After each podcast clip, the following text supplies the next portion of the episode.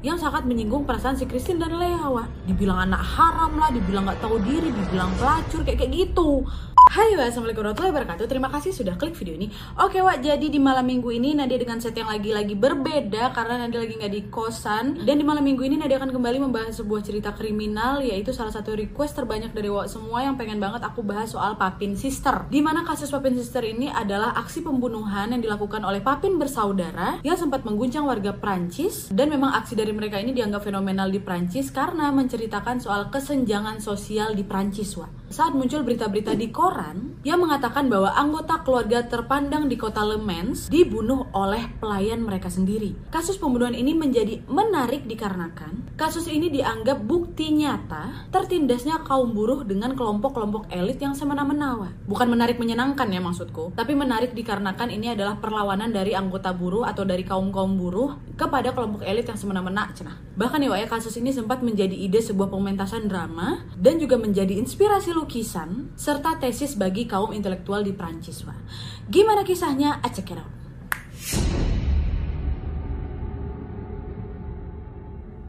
Nah, jadi aku akan menceritakan dulu background dari si Papin Sister ini ya. Jadi, dua saudara ini memang lahir dari keluarga yang bermasalah lagi. Ayah mereka bernama Gustav Papin dan ibunya bernama Clemens yang hidup di kota Le Mans. Sedari muda, mama mereka si Clemens ini digosipkan suka berselingkuh meskipun dia ini sudah dilamar oleh si Gustav, Wak. Gustav sebenarnya tahu gosip soal calon istrinya ini. Tapi karena udah jatuh cinta kali sama dia, dia menepis gosip-gosip itu dan tetap menikahi si Clement. Nah waktu udah menikah, barulah si Gustav ini mulai curiga dengan kedekatannya si Clemens istrinya ini dengan salah satu pegawainya yang terbilang lumayan dekat sama mereka gitu kan. Gosip masih terus tuh bermunculan kalau memang si Clemens ini suka berselingkuh dan tidak lama kemudian si Clemens ini melahirkanlah anak pertama mereka diberi nama Emilia. Emilia ini adalah kakak tertua dari Papin Sister. Dah ada punya anak lah itu kan, Wak udah punya keluarga kecil tuh si Gustav. Untuk menghindari hal yang tidak-tidak, akhirnya si Gustav ini memutuskan untuk membawa Clemens dan Emilia ini keluar dari kota tersebut, pindah ke kota lain supaya keluarga kecilnya ini terjaga gitu. Nah pada saat itu si Clemens menolak mau pindah keluar kota, Wak. Bahkan dia mengatakan bahwa dia ini mending bunuh diri daripada harus meninggalkan kota Lamens tadi. Gak mau si Clemens kan, pusing lah si Gustav. Nah dari situ kondisi si Gustav udah mulai memburuk karena Gustav ini mulai kecanduan minuman alkohol. Nah adalah kan ya bertahun-tahun kemudian ketika si Emilia anak pertama mereka ini berusia 10 tahun, mamanya ini si Clemens mengirimkan si Emilia pindah ke panti asuhan dikarenakan Clemens atau ibunya ini mengetahui bahwa si Gustav bapaknya sudah memperkosa si Emilia. Nah, adalah kan pindahlah itu si Emilia dalam panti asuhan, dia mengikuti bimbingan di sana untuk menjadi seorang biarawati. Udah tinggal berdua lagi nih si Clement sama si Gustav kan. Dengan segala keributan percecokan rumah tangga mereka, mereka kan juga nggak harmonis nih. Masih tetap hamil juga si Clement, Wak. Nggak cerai juga sih sebenarnya mereka. Dan dia berhasil lagi melahirkan seorang anak perempuan, anak keduanya ini di tanggal 8 Maret tahun 1905. Kemudian dia beri nama Christine Papin. Nah, ini nih si Christine Papin, anak keduanya nih. Dan pada saat itu keluarga mereka ini sebenarnya tahu mereka ini tidak akan bisa memberikan kehidupan yang baik lah gitu untuk anak-anak mereka. Si Clemens ini tidak mau merawat anak-anaknya karena dia tahu kondisi mentalnya nggak stabil wah. Sementara si Gustav memiliki kecanduan alkohol. Kayak nggak mampu dia ini membesarkan anak-anaknya lagi kan. Dahnya si baby Christine Papin itu yang baru aja lahir dikirim lah ini ke rumah paman sama bibinya. Dari pihak bapak ya, dari pihak si Gustav untuk bisa dirawat oleh mereka. Nah, bersama paman dan bibinya, si Christine ini hidup bahagia selama tujuh tahun. Sebelum akhirnya kebahagiaan itu hancur ketika si Christine ini memutuskan ingin menjadi biarawati juga, Wak. Kenapa kebahagiaannya hancur? Karena mamanya si Clemens itu tidak setuju anaknya jadi biarawati lagi. Dahnya si Christine diambil dari paman bibinya, terus di antara memamai ke panti asuhan lagi, Wak. Tapi panti asuhan yang berbeda tuh dari si Emilia. Dan selama di panti asuhan, Christine ini dipaksa untuk bekerja keras dan di sana pun Christine memang digambarkan sosok pekerja keras juga. Selain itu Denny juga pandai memasak, tapi terkadang Denny suka membantah, Wak. Kemudian di tahun 1911 ibunya si Christine ini hamil lagi dan melahirkan anak ketiga seorang perempuan lagi pada tanggal 15 September 1911 dan dia beri nama Lea Papin. Nah ini nih si Christine dan Lea Papin. Papin sister ini eh Papin sister. Papin sister ini mereka berdua nih, Wak. Christine dan Lea Papin. Nah, terus karena Denny juga masih merasa tidak mampu membesarkan anaknya, akhirnya baby Lea pun dikirim ke tempat paman dan bibinya di pihak mamanya, bukan pihak bapaknya lagi. Tadi kan si Christine pihak bapaknya. Nah, ini si Lea dikirimkan ke tempat paman bibi pihak mamanya supaya bisa dirawat sama mereka, Wak. Hidup tuh bertahun-tahun kan si Lea sama paman bibinya sampai paman ini meninggal. Setelah pamannya ini meninggal, si Lea dikirimkan juga ke panti asuhan sama mamanya, Wak. Di panti asuhan yang sama tempat si Christine tinggal. Supaya apa? Supaya si Lea ini juga nggak mau jadi biarawati gitu. Dah, masuklah nih si Lea sama Papin kan. Ketemulah nih di panti asuhan itu. Pada saat bertemu, kedua-duanya juga sama-sama tahu kalau mereka ini adik-beradik, bersaudara ikatan mereka ini sangat kuat ternyata Wak. Sampai-sampai mereka tuh nggak perlu berbicara tapi udah bisa langsung mengerti gitu. Mereka seolah-olah berkomunikasi dengan ikatan batin yang sangat kuat yang mereka miliki. Nggak kayak si Christine Wak. Si Lea ini tumbuh menjadi orang yang tertutup dan pendiam lebih patuh dari kakaknya tapi kecerdasannya lebih rendah dibanding kakaknya. Dan akhirnya mereka bekerja di kota mereka tersebut sebagai asisten rumah tangga dari satu rumah ke rumah lain Wak. Nggak menetap nih. Nggak bisa mereka Wak. Bareng terus nih berdua bekerja karena memang kedekatan mereka yang sangat erat, keduanya menolak untuk bekerja secara terpisah gitu dan memilih untuk bekerja bersama-sama. Bekerja menjadi pelayan serabutan memang sangat berat kan, Wak? Terlebih pekerjaan ini bagi mereka bukanlah pekerjaan tetap dengan pendapatan yang sedikit pula. Tapi mereka tetap berusaha, tetap melanjutkan pekerjaan mereka dari satu rumah ke rumah lain sebagai asisten rumah tangga, walaupun sebenarnya pendapat mereka pas-pasan, tapi tenaga yang dikeluarkan lebih banyak gitu. Mereka sabar aja gitu, tetap tuh kerja dari rumah satu rumah lain, jadi pelayan. Hingga sampai akhirnya mereka ini mendapatkan tawaran untuk bekerja di sebuah rumah mewah untuk menjadi pelayan tetap di kediaman keluarga Lens Lenselin. Keluarga Lenselin ini dipimpin oleh Tuan Rene dan Nyonya Leoni, di mana mereka berdua ini merupakan pensiunan pengacara termasyhur di kota itu. Nah, mereka berdua ini juga memiliki seorang anak perempuan yang ikut tinggal bersama mereka bernama Genevieve. Genevieve. Genevieve. Genevieve entahlah gitu loh pokoknya. Sementara anaknya satu lagi sudah tinggal bersama menantu mereka. Dah ditawarkanlah kan kerja di sana dengan penghasilan tetap dan juga ikut tinggal di sana. Papin sisterin pun akhirnya setuju kan. Tapi untuk bekerja di kediaman ini, Wak, Papin bersaudara harus bekerja 14 jam sehari dan hanya boleh libur setengah hari di akhir pekan, Wak. Dah akan ditawarin itu setujulah mereka ini kan. Tetap nih masuklah bekerja mereka di keluarga Lenselin ini. Christine ditugaskan memasak, sementara si Lea ditugaskan untuk membersihkan rumah. Keduanya pada saat itu juga merasa tidak keberatan dengan beban kerja seperti itu dan selama itu. Selama bekerja di sana, dua bersaudara ini termasuk pekerja yang baik. Walaupun sebenarnya si Nyonya rumah atau Nyonya Leon ini banyak mau, Wak. Nyonya Leon ini agak cerewet juga. Dia itu selalu memastikan atau memeriksa kebersihan rumah dan kadang juga suka mengomentari tampilannya atau penampilannya si Lea. Dan juga sering berkomentar soal masakannya si Christine. Meskipun sering dituntut ini itu, nama juga Nyonya lah pula ya kan. Christine dan Papin, eh Christine dan Papin, Christine dan Lea ini nggak pernah mengeluh. Keduanya tetap mengurusi urusan masing-masing atau tugas masing-masing dan juga diketahui memiliki memiliki sifat yang baik selama bekerja di keluarga tersebut. Mereka pun juga taat beribadah ke gereja di setiap hari Minggu. Selain itu, Christine dan Lea atau si Papin bersaudara ini juga tidak menunjukkan minat atau ketertarikannya dengan dunia luar, Wak. Mereka hanya sibuk menghabiskan waktu berdua aja. Tapi kadang-kadang dengan hubungan mereka yang dekat ini, Christine dan Lea ini suka menunjukkan perilaku yang sedikit aneh juga, Wak. Mereka cenderung suka diam dan tertutup, hanya terfokus satu sama lain aja, dan juga, Wak ya, kuat dugaan sepertinya mereka ini juga terlibat terlibat secara seksual satu sama lain. Dan selama bekerja di keluarga tersebut, kakak beradik ini juga gak pernah ngomong sama majikannya, Wak. Ya kerja aja gitu. Dan beberapa tahun setelah bekerja di keluarga Lenselin, Wak, Nyonya Leon ini mengidap depresi dan menjadikan Christine dan Leon ini sebagai tempat pelampiasan emosi dia. Udah mulai disiksa nih, Wak, Papin Sister. Kadang ditendang, dipukul, ya. Bahkan pernah kepala mereka dihantamnya di dinding. Dan ini kan udah bukan verbal lagi nih, nyebelinnya si Nyonya Leoni. Tapi udah mulai ke fisik, Wak dan sekarang kita akan masuk ke kisah atau kronologi pembunuhan yang dilakukan oleh puppet sister kepada majikan-majikannya ini ya. Check.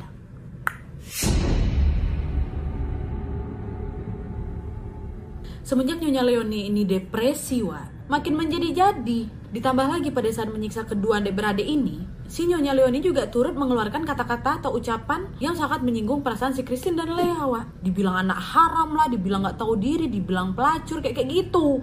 Sakit lah hati mereka ya kan. Tapi mereka mendem aja nih, karena mereka juga agak sedikit tertutup gitu kan. Tapi mereka diam aja nih, nggak berani ngelawan, Wak. Sampai akhirnya di hari Kamis pada tanggal 2 September tahun 1933, keluarga Lancelin ini memiliki jadwal untuk mendatangi acara makan malam di tempat kawannya. Dan di pagi harinya, Tuan Rene ini pergilah keluar rumah untuk mengerjakan urusannya. Sementara Nyonya Leoni dan anaknya si Genevieve pergi keluar juga wah berbelanja nih ke pasar. Christine dan Lea nggak ikut diminta untuk menjaga rumah. Setelah itu di sore harinya waktu si Nyonya Leoni sama anak ini balik, mereka mendapati rumahnya ini dalam keadaan gelap, lampu nggak dinyalain sama papin bersaudara ini. Padahal hari udah semakin gelap, wah.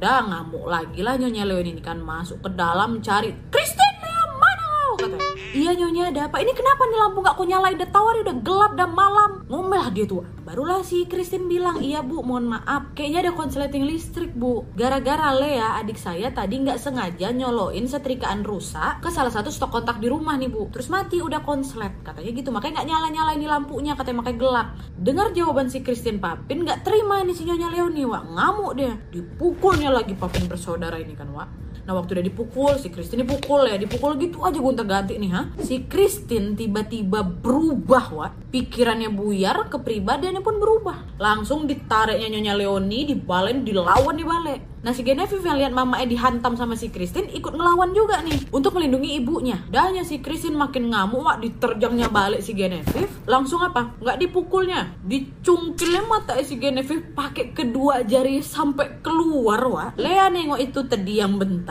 dia tengok ulah kakaknya kayak gitu, adi ikutin ya. Ditarik ya badan Nyonya Leoni, dihantamnya ke bawah langsung dicongkelnya juga tuh bulu bulu lagi bola matanya si Nyonya Leoni ini pakai kedua jarinya juga setelah dia melihat apa yang dilakukan oleh si kakaknya Christine. Kalian bayangin lah, kalian bayangin. Nggak ditusuk, nggak diapain, langsung dicongkel bulu matanya. Eh bulu mata, bola mata. Udah lemas lah kan tuh Nyonya Leoni sama si Genevieve kan. Dibaringkannya di lantai, mulutnya ditutup supaya suara teriakan mereka itu tidak didengar tetangga. Ditahan di badan mereka sama si Lea. Christine balik ke dapur. Dia ngambil barang secara acak tuh. Dia ambil palu, dia ambil teko, sama pisau. Balik lagi nih dia ke badan si Nyonya berdua ini kan. Dah, ada balik, alat-alat yang dibawa oleh si Christine ini dikasih lah ke si Lea. Dah, barengan itu dipukulnya badan Nyonya Leoni sama si siapa Genevieve itu pakai teko timah yang dibawanya Wak sampailah mereka berdua pingsan.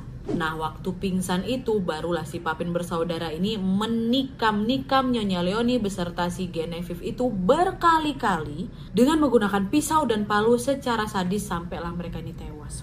Sakit langsung pala aku ah. Dan pada saat itu bagian mata mereka selain bola mata yang udah keluar, mengalami luka sobek dan tubuh mereka dimutilasi sama berdua ini, Wak. Dan aksi brutal mereka ini berlangsung kurang lebih selama 2 jam. Walaupun korban berdua udah tewas, badan udah dipotong-potong, Papin bersaudara nggak diam, Wak. Enggak, nggak berhenti. Masih terus memukul tubuh mereka sampai hancur dan darah berserakan di mana-mana. Itulah saking dan dendam kali mereka tuh ha. Dah setelah membunuh majikannya, kedua papin bersaudara ini langsung mengunci pintu dan jendela rumah itu, lalu pergi balik ke kamar mereka membersihkan tubuh mereka dan balik lagi kamar tidur ini. Beberapa saat setelah mereka ini tewas, Tuan Rene balik nih, Wak. Balik gitu kan sampai depan gerbang rumahnya, putar balik lagi, nggak masuk dia. Kenapa? Karena Tuan Rene mengira istri sama anaknya udah pergi ke tempat acara makan malamnya si kawannya itu. Karena dia melihat seluruh lampu yang ada di kediamannya nggak menyala. Pergilah dia ke tempat acara makan malam kawannya kan.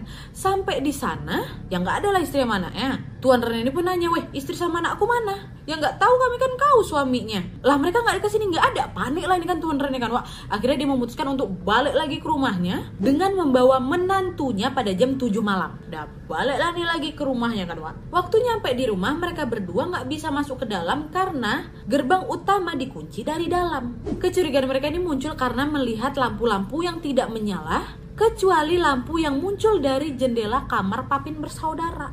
Diketok-ketok nggak ada yang nyaut, akhirnya mereka langsung memutuskan pergi ke kantor polisi untuk meminta bantuan seorang petugas. Bersamaan dengan seorang petugas, balik lagi mereka ke rumahnya dan petugas pada saat itu berhasil masuk ke dalam kediaman mereka setelah melewati tembok taman mereka. Barulah itu pintu utama dibuka sama Tuan Rene kan, Wak. Dia ada kuncinya yang gerbang utama dia nggak ada. Waktu masuk ke dalam rumah, Wak. Di situlah baru mereka bertiga terkejut setelah menemukan tubuh atau mayatnya si Nyonya Leoni beserta si Genevieve itu sudah dalam keadaan yang sangat-sangat menyeramkan. Di mana terlihat mereka ini sudah ditikam, dipukul, dan dimutilasi sampai-sampai badannya udah nggak karu-karuan lagi, udah hancur. Dan yang pasti sudah tidak bisa dikenali lagi lagi Wak.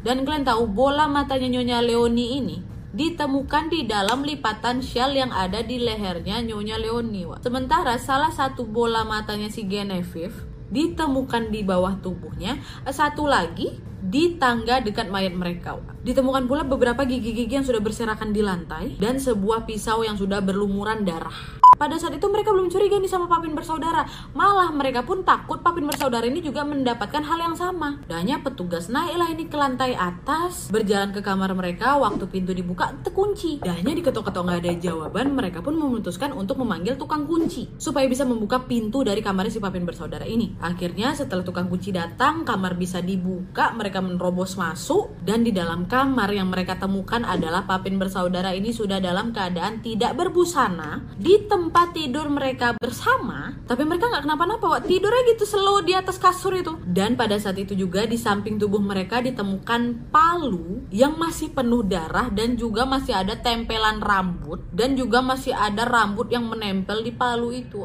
Nggak butuh waktu lama-lama menginterogasi mereka, Papin bersaudara pun langsung mengakui perbuatan atau aksi brutalnya mereka kepada kedua majikannya itu dengan rasa tenang tanpa penyesalan sama sekali. Wak.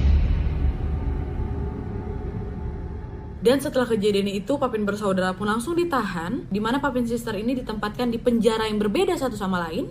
Dan pada saat itu, si Christine ini menjadi tertekan karena tidak bisa melihat adiknya Lea. Dan pada suatu kesempatan, petugas penjara mengalah di mana dia ini memberikan izin kepada si Christine untuk bisa bertemu sama si Lea.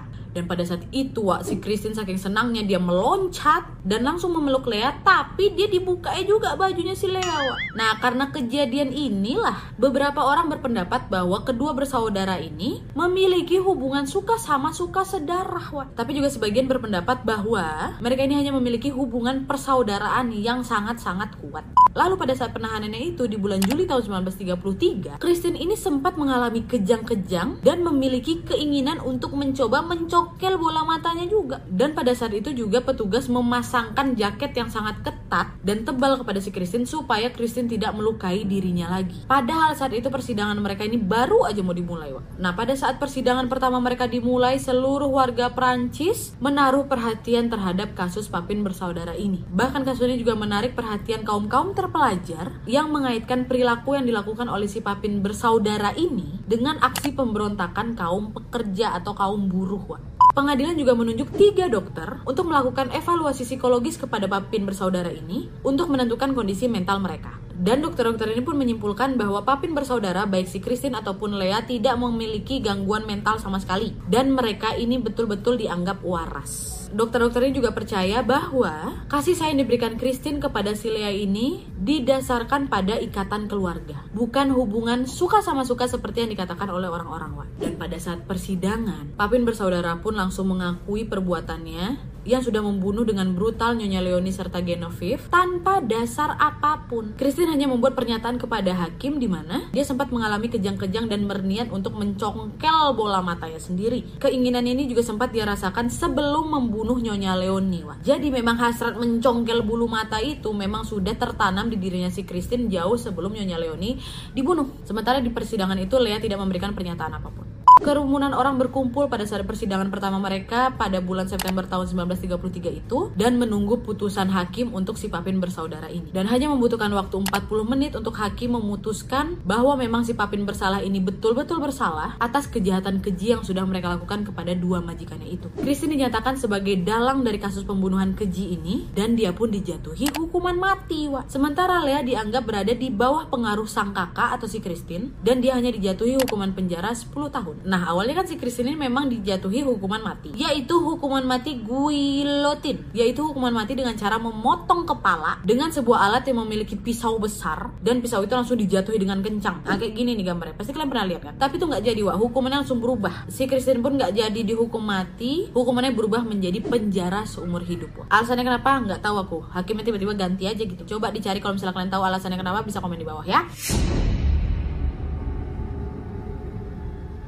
Dan kejadian setelah kasus brutal ini, perpisahan antara Christine dan Lea yang dipenjara di dua tempat berbeda membuat kondisi dari si Christine ini makin memburuk. Karena apa? Karena dia nggak bisa nengok adiknya. Dia pun pada saat itu menolak untuk makan dan juga mengalami gangguan kejiwaan. Polisi pun akhirnya memutuskan untuk membawa si Christine ini pindah ke rumah sakit jiwa agar bisa mendapatkan pertolongan dari dokter. Tetapi sayangnya Christine tidak kunjung sembuh dan meninggal dikarenakan kurang gizi di 4 tahun kemudian yaitu tanggal 18 Mei tahun 1937. Kenapa nggak disatuin bantuin aja Allah nggak ada juga rugi-ruginya kan? Adiknya sendiri kok. Dan kisah adiknya si Lea Lea bernasib baik wah. Di mana dia ini hanya menjalani hukuman penjara selama 8 tahun dari 10 tahun putusan hakim karena dia berperilaku baik. Dia pun dibebaskan di tahun 1941 dan tinggal di kota Nantes di mana dia kembali tinggal bersama ibunya wah Lea akhirnya membuat identitas baru dan mencari nafkah sebagai pelayan hotel. Beberapa orang mengatakan bahwa si Lea ini meninggal di tahun 1982. Tapi seorang produser film yang bernama Claude Ventura mengklaim bahwa Denny sempat menemukan Lea yang tinggal di sebuah pusat perawatan di Prancis pada tahun 2000. Saat Denny hendak membuat film yang memang mengangkat kasus soal si Papin bersaudara ini. Wanita yang dia klaim sebagai si Lea itu menderita stroke dan membuatnya lumpuh sebagian dan juga tidak dapat berbicara. Wah. Dan wanita itu pun baru meninggal di tahun 2001 yang katanya Lea itu. Meskipun Papin bersaudara ini dianggap waras dan memang harus diadili, komunitas psikologis berjuang untuk memperdebatkan diagnosis penyakit mental mereka, wah. Dengan beberapa pertimbangan di mana mereka mengatakan bahwa si Kristen dan si Lea ini menderita gangguan paranoid bersama. Yang diyakini hal ini terjadi kepada beberapa orang yang terisolasi dari dunia. Dia ini bisa menjadi paronia, di mana satu pasangan mendominasi yang lain. Hal ini terutama berlaku untuk si Lea yang lebih bersifat lembut dibanding dari kakak yang keras kepala dan dominan, Wan. Dan kasus pembunuhan yang dilakukan oleh si Papin bersaudara ini berdampak besar pada masyarakat dan diperdebatkan secara sengit oleh kaum-kaum terpelajar di Prancis, Wan. Sebagian besar dari mereka menilai bahwa kejadian ini merupakan eksploitasi buruh, mengingat bahwa si Christine dan Lea ini dipekerjakan 14 jam sehari, Wan. Kalau 14 jam tuh ya kalian pikir aja dia bangun jam 6, 6 pagi, baru kelarnya jam 8 malam. Awak yang kerja dari jam 8 sampai jam 4 cuma 8 jam tuh yang megap-megap. Ini loh 14 jam.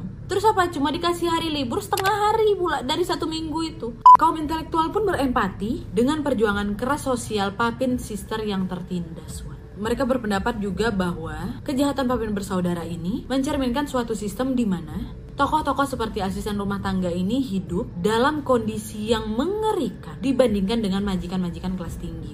Di mana mereka ini yang menikmati banyak hal. Kasus ini pun turut mempengaruhi sebuah karya sastra seperti buku, lukisan, teater, film yang tak terlupakan sebagai salah satu pembunuhan yang paling mengerikan di Prancis di abad ke-20 itu.